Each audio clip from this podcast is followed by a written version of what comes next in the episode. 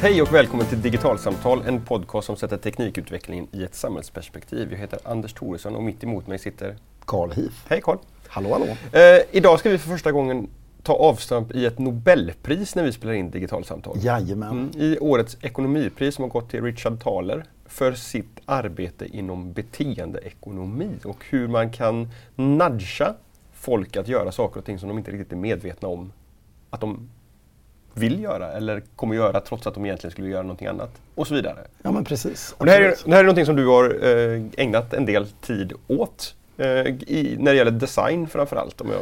Ja, alltså eh, beteendeekonomi som fält eh, härstammar ur eh, liksom, gränslandet mellan psykologi och ekonomi. Mm. Eh, men andra näraliggande fält har andra ord för näraliggande områden kan man väl säga. Mm. Så inom speldesign till exempel så pratar man mycket om hur man kan påverka med hjälp av speldesignmönster, alltså ändra utfallet i ett spel. Det vill säga hur personen beter sig i spelet. Och med hjälp av till exempel andra designämnen som interaktionsdesign så ändrar vi människors beteende genom hur vi gestaltar och uttrycker en interaktion mellan en dator och en människa. Mm. Och i industridesign så påverkar vi hur vi beter oss genom utformningen av vår fysiska värld. Eh, så det finns en liksom, eh, ett fält av olika discipliner som på olika sätt handlar om att, så att säga, påverka på olika sätt hur vi människor fattar olika typer av beslut. Eh, och Sen har vi ju frågan om syftet med beslutet och varför vill någon att vi ska bete oss på ett visst sätt. Det kan ju se väldigt olika ut. Det kan vara kommersiella intressen, det kan vara myndigheter som vill få ja. oss att fatta liksom ett beslut som är bra för vår hälsa och så vidare. Till exempel, alltså det kan vara alla möjliga saker. Va? Industridesignen kanske vill eh, eh, designa en dörr som gör att den är väldigt lätt att öppna och där vårt beteende så att säga känns naturligt i relation till att öppna dörren. Eh, och så upptäcker man att personer med reumatism har svårt att öppna just den dörren, så får man designa om den. Och, eh, där man så att säga utgår ifrån människan och dess förutsättningar. Och vad beteendeekonomin har kommit att handla om det är någonstans insikten i att när man planerar utifrån ett ekonomiskt perspektiv och designar system, det kan vara ett politiskt eller ekonomiskt eller digitalt system, om man då inte tar hänsyn till föreställningen om människors beteende utan faktiska beteenden så blir systemen designade på ett ganska annorlunda sätt. För vi någonstans själva har hela tiden den här uppfattningen om att vi eh, har en fri vilja och vi fattar kloka och rationella och förnuftiga beslut. Men all forskning och empiri pekar snarare mot raka motsatsen. Va? Det är ju lite läskigt. Ja, eller så är det egentligen bara så världen är beskaffad. Ja. Att vi röker och super och vi joggar inte fastän vi borde. Och vi beter oss liksom allmänt utifrån kanske kortsiktiga eh, i många sammanhang fallen långsiktiga och ibland så beter vi oss utifrån impulser eller nycker som vi faktiskt själva överhuvudtaget inte är medvetna om har påverkat oss till att forma eller fatta ett visst beslut. Ett centralt begrepp i, i det som har varit Richard Thalers forskning, det är det som kallas för nudges. Ja, precis.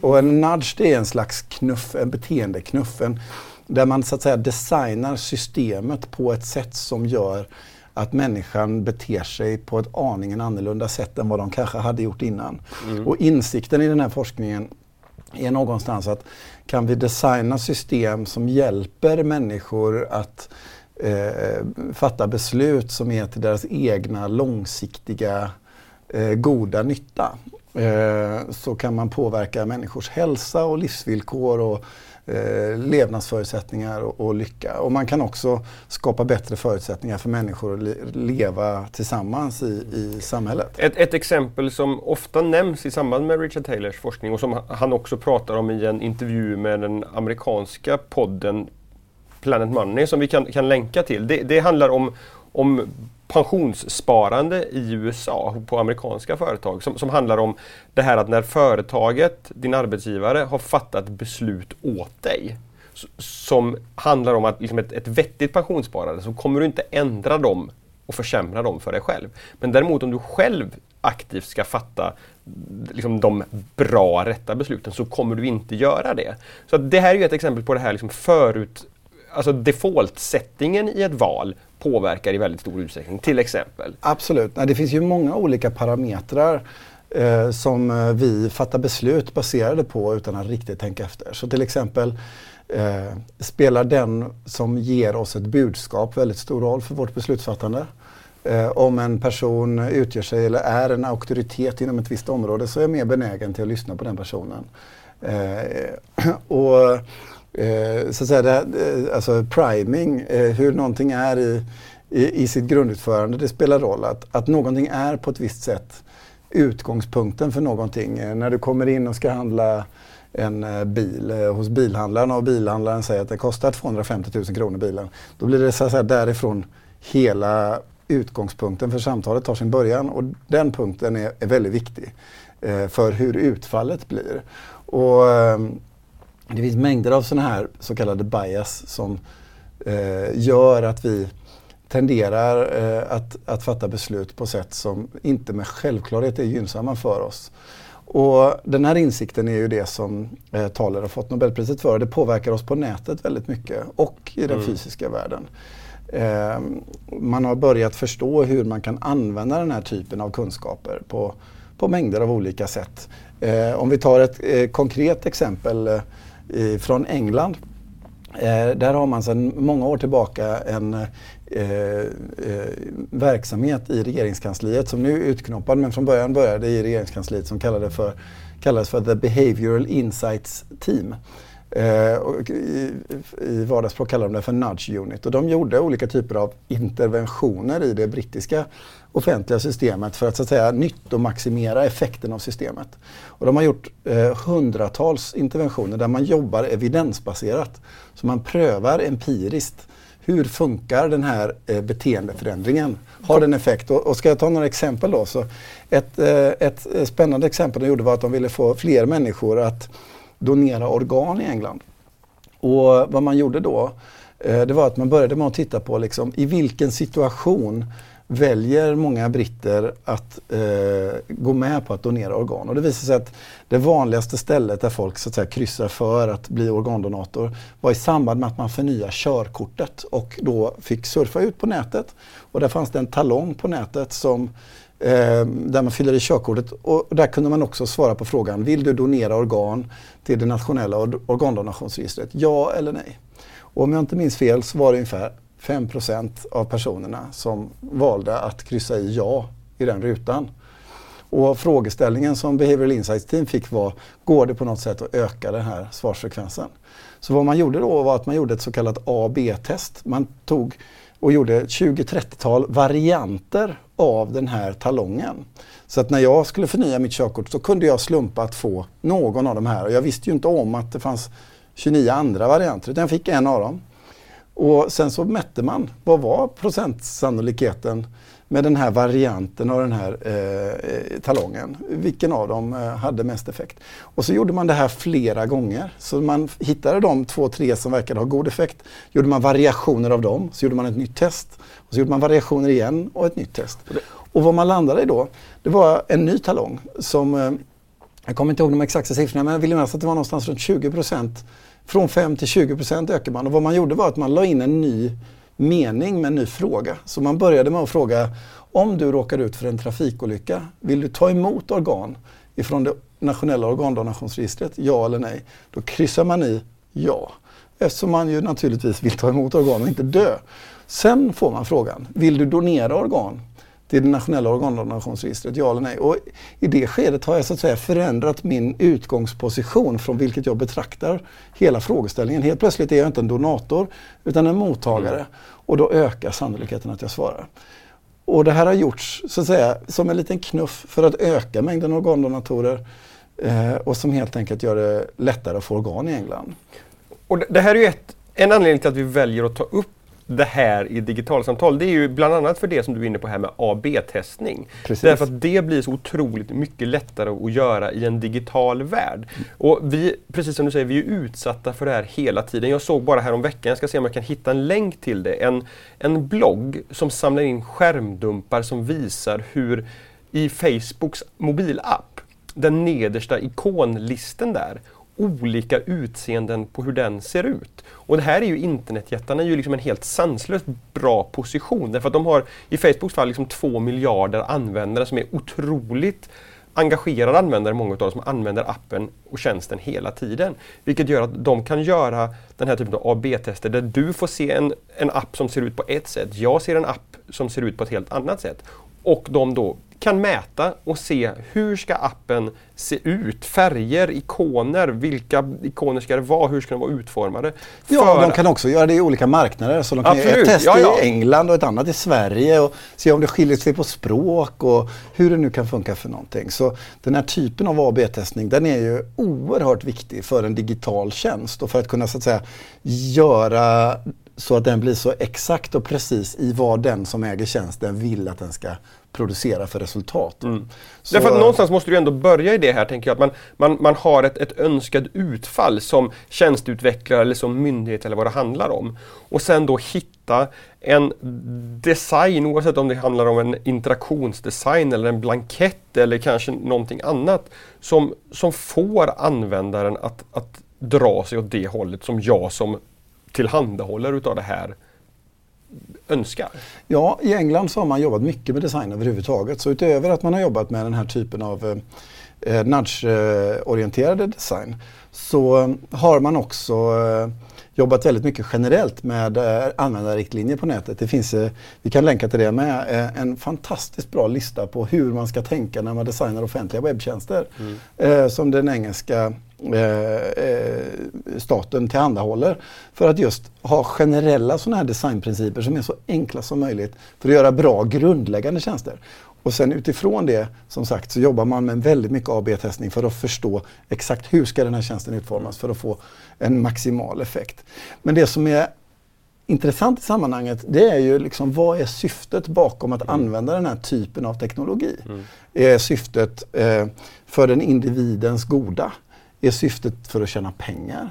Är syftet för att få någon att utföra en viss handling? Eller vad kan det handla om? För den här samma typ av teknologi och samma typ av designapplikationer, eh, det ser vi ju exempel på i i eh, våra dataspel eller mobiltelefonspel. Väldigt många spel har ju såna här så kallade in-app purchases.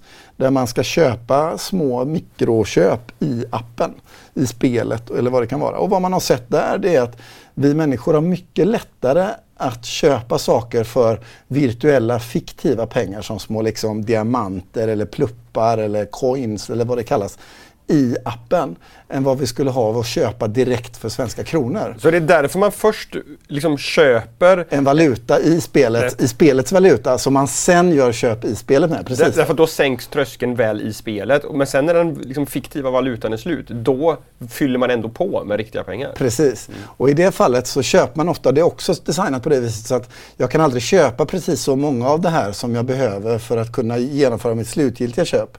Utan jag måste alltid köpa mer av det fiktiva myntet eh, än vad jag behöver. För då helt plötsligt så har jag förbrukat sju och så har jag tre pengar över som ska använda något. Men jag kan inte använda dem till något så då får jag köpa lite till helt enkelt.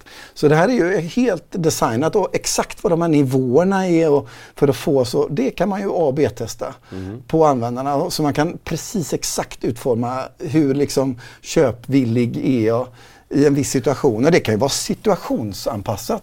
Det kan vara så att man vet att Eh, vid den här tidpunkten är det mera sannolikt att man köper och då kanske priset ökar. Medan i nästa sekund så är priset annorlunda och så vidare.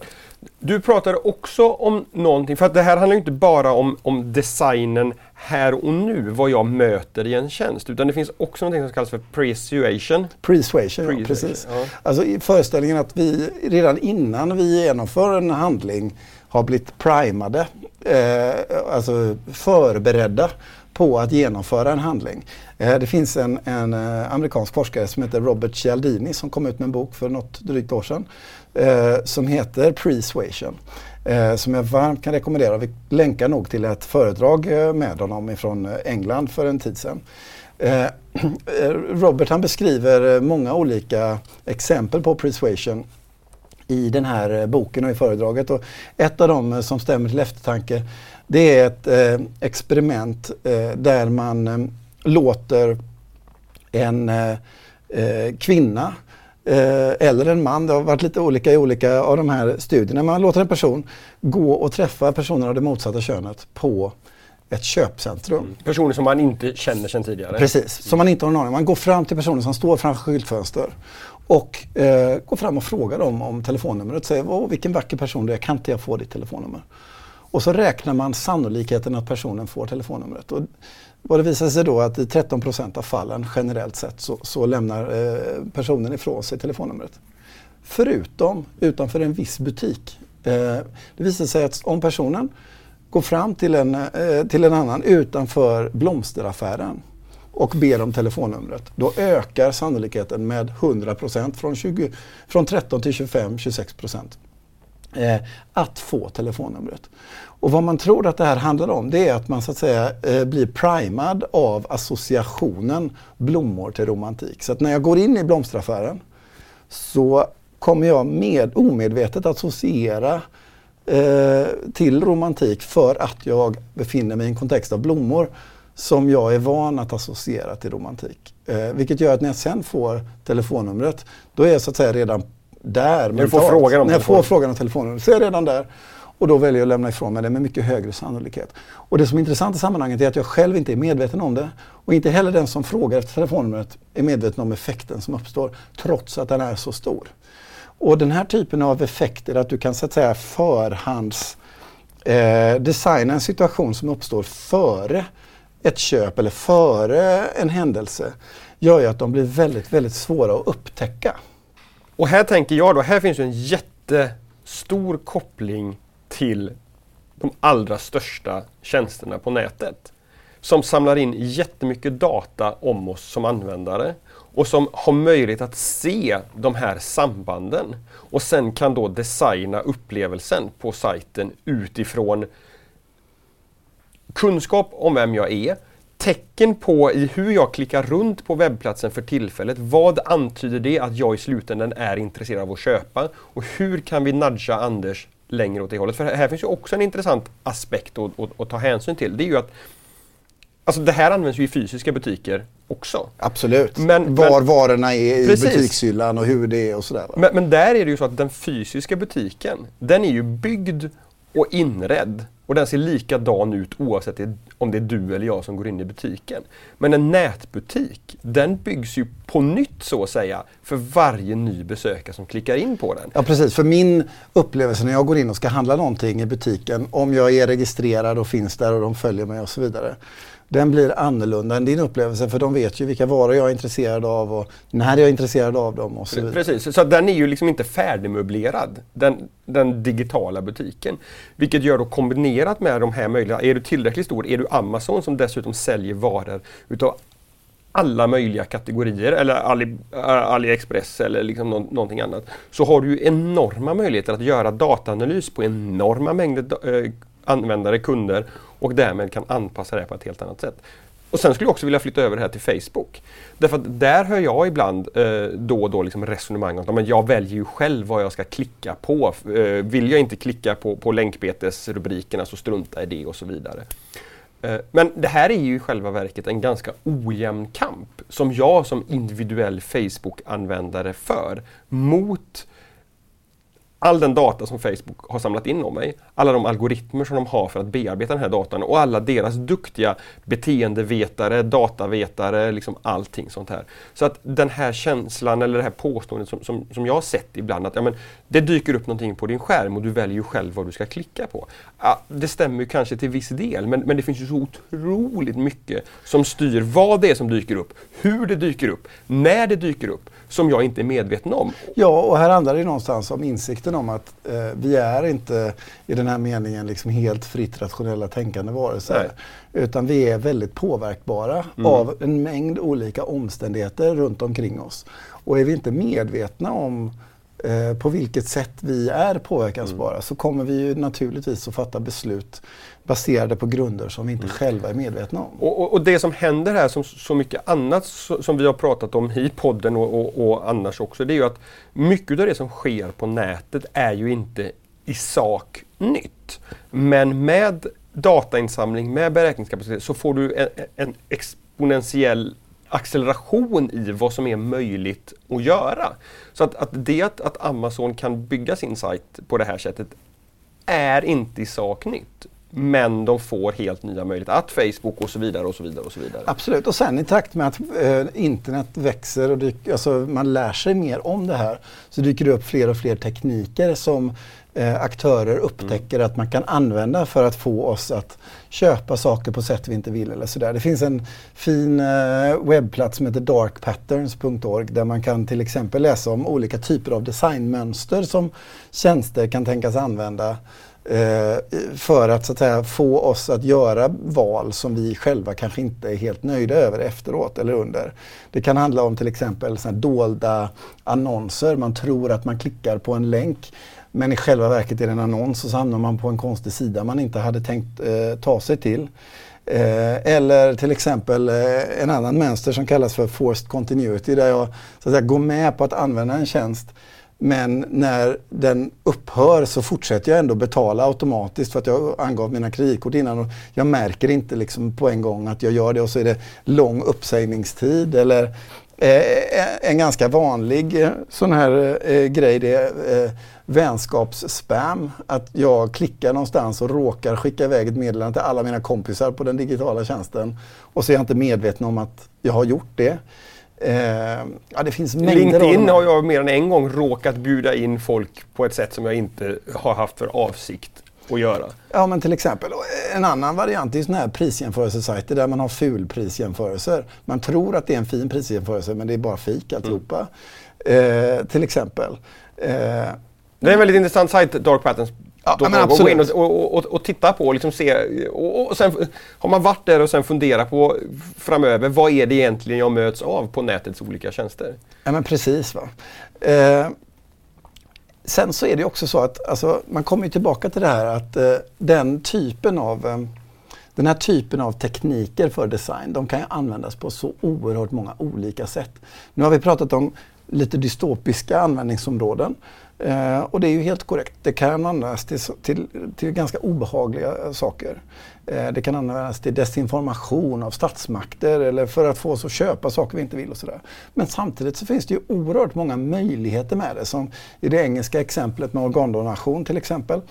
Eh, I Sverige så gjordes det en eh, studie av expertgruppen för studier i offentlig ekonomi förra året. Eh, en eh, rapport som hette När det lätta blir det rätta eh, som vi också kommer länka till, som handlar om hur kan man använda nudge och nudge-teori i offentlig förvaltning. Hur skulle vi kunna bygga goda och bättre offentliga tjänster i Sverige som gör det möjligt för användare att fatta välinitierade och grundade beslut som är till godo för det långsiktiga. Eh, och hur kan offentliga institutioner ge information på ett sätt som eh, gör det möjligt för människor att bete sig på ett sätt som är hälsosamt och, och, och bra för dem. Och det finns mängder av eh, bra exempel på den typen av eh, interventioner, både digitala och fysiska. Jag, jag, har läst om fastighetsägare som, som har börjat tänka om hur man designar trapphusen och hur man placerar trappor i förhållande till hissar. Och hur, hur välkomnande man gör trapporna och hur ogästvänliga man gör hissarna. Ja, som ett exempel, exempel, på att få folk att välja trapporna istället. I, I Region Skåne så satte man upp skyltar på hissar i ett försök där man satte upp skylten på hissen där det är en pil och så står det Ta hälsotrappan på hissen. Så att man kommer fram till hissen, där är det en skylt som välkomnar en till trappan istället som nudgar en till att vilja eh, ta trappan. I, I Köpenhamn så har man satt gröna fotsteg på marken fram till eh, soptunnor. Eh, på vissa soptunnor så har man mätt hur mycket skräp hamnar i soptunnorna med de gröna fotstegen jämfört med inte. Då ökar skräpen i de soptunnorna med 43 procent. Så det, det, har liksom stor påverkan på eh, liksom individen och vilka beslut vi fattar. Och det jag kan, liksom, om man ska ta det till det digitala sammanhanget, eh, känna i det här, det är ju att vi pratar om att Facebook har tillgång till väldigt mycket data, Amazon har mycket data, eh, Google har enastående mängder data om oss och kan då erbjuda tjänster utifrån sina syften eh, som är till det bästa utifrån deras verksamhet. Och då tänker jag stillsamt, liksom, vad skulle det kunna innebära för offentliga tjänster om man skulle kunna använda samma typer av principer för att skapa bättre och effektivare och mer medborgarnära offentliga tjänster som inte utgår ifrån att nyttomaximera vinsten i ett visst sammanhang utan utgår ifrån eh, hur skapar vi ett så gott och rikt liv för medborgarna som möjligt. Eh, för det blir så oerhört tydligt i det här sammanhanget att det syftet man har med interventionen det är det som allting sen liksom mm. tricklar ner till och, och kommer att handla om. Va? Och som man behöver ta eh, höjd för i sammanhanget. Men, men sen funderar jag också på, för att eh, ifall det ibland är så att det kan finnas en övertro på hur lätt det är att bygga effektiva nudging-lösningar. Jag, jag, jag, är en person som har gått runt med aktivitetsarmband på mig i ganska många år nu och inbillar mig själv att en stegräknare får mig faktiskt att, att röra på mig mer i vardagen. Men jag har sett rätt mycket, eller flera artiklar under det senaste halvåret, året, som, som där man har tittat på, ja så här, fungerar det? Och där, där svaret är att ja, men jag lurar mig själv och tror att jag faktiskt blir mer aktiv. Ja, alltså, det, det man har sett vad gäller just nudge-området, det är ju att för att en sån här intervention ska funka eh, så behöver man testa och mäta empiriskt till att börja med. Man mm. kan inte bara tro att man ändrar beteende och så gör Nej. man det. Utan man behöver faktiskt ha data som talar om att ja, det funkar eller inte. Eh, och om man tittar på till exempel hur den eh, brittiska Behavioral Insights Team har jobbat så jobbar de hela tiden datadrivet. Oavsett om det är en digital eller fysisk tjänst så gör man stora A B-tester, prövar mängder av olika varianter det som funkar, det rullar man ut. En av de kanske roligaste och enklaste interventionerna de gjorde var i Arbetsförmedlingen i England. Där man tidigare frågade människor när de kom till Arbetsförmedlingen hur många jobb har du sökt de senaste två veckorna? Eh, som en standardfråga i ett sånt här frågeformulär för att, så att säga, kontrollera om individen söker jobb. Men då gjorde man en intervention där man prövade vad som hände om man istället sa på andra sätt. Går det att öka mängden sökta jobb genom att helt enkelt ändra på frågeställningarna. Och då ställer man frågan, eh, hur många jobb avser du söka kommande två veckor? Mm. Och bara genom att ändra tempus där från dåtid, kontroll till nutid, planering, så ökar man antalet eh, sökta jobb mm. under perioden markant. Och då har man ändrat den riktlinjen och policyn och så gör man det. Och, och, den här typen av liksom, eh, interventioner de testar man ju och prövar och får data på. Så det är ju jätteviktigt. Va? Så tar man ditt aktivitetssamband Ja, då skulle man ju behöva mäta eh, och, och se i ditt fall, säg, kommer detta leda till en förbättring eller inte? För annars är det ju ingen Nej. nudge. Nej. Eh, utan det är bara en, en föreställning om mm. en nudge. Eh, du, du pratar också om vad, hur, hur det offentliga kan använda det här på olika sätt. Där kommer jag att tänka på ett exempel som, som jag har läst eh, test på där, där, där det på Facebook dyker upp en, en skylt om att idag har jag röstat. Som ett sätt att få, få personens vänner på Facebook att gå och rösta. Och det ger ett ganska stort utfall extra röster jämfört med kontrollgrupp. Eh, och där, där, diskussionerna då alltid har varit att ja, men, eh, Facebook vet vilket parti du ska rösta på, liksom missbrukande. Men här finns ju också stora möjligheter ser jag. För att eh, i, i, debatten kring elektroniska val som har förts i Sverige och på andra ställen också, så finns ju ett utav argumenten där handlar om att öka tillgängligheten, göra det lättare att rösta. Men sen finns det ju massa andra skäl till att varför man inte vill göra det, vilket vi har varit inne på, tror jag. Men, men, men, men här är det också så här en fråga då, kan, kan borde Valmyndigheten teama upp med Facebook för att faktiskt se till att ett sånt här meddelande dyker upp innan riksdagsvalet 2018 för att, för att öka delaktigheten i den liksom, viktigaste liksom, dagen i svensk demokrati? Ja, alltså för min del så skulle jag säga att om Valmyndighetens uppgift är att öka valdeltagandet så ska de ju eh, pröva alla de möjligheterna som står till bud. Så är det så att det är kraftfullt och effektivt mm. eh, att göra den typen av interventioner på Facebook så ser jag inga skäl till varför de inte Nej. skulle göra det. Eh, det som ju någonstans allting kokar ner till hela tiden det är ju ja, i vilket syfte gör man det här? Mm. Och i, vad är graden av transparens i själva processen? För när det kommer till vad Facebook gör i relation till dig eller vad någon annan, vilken nättjänst som helst gör, så behöver de ju inte nödvändigtvis vara transparenta i hur de går tillväga för att påverka dig på ett eller annat sätt.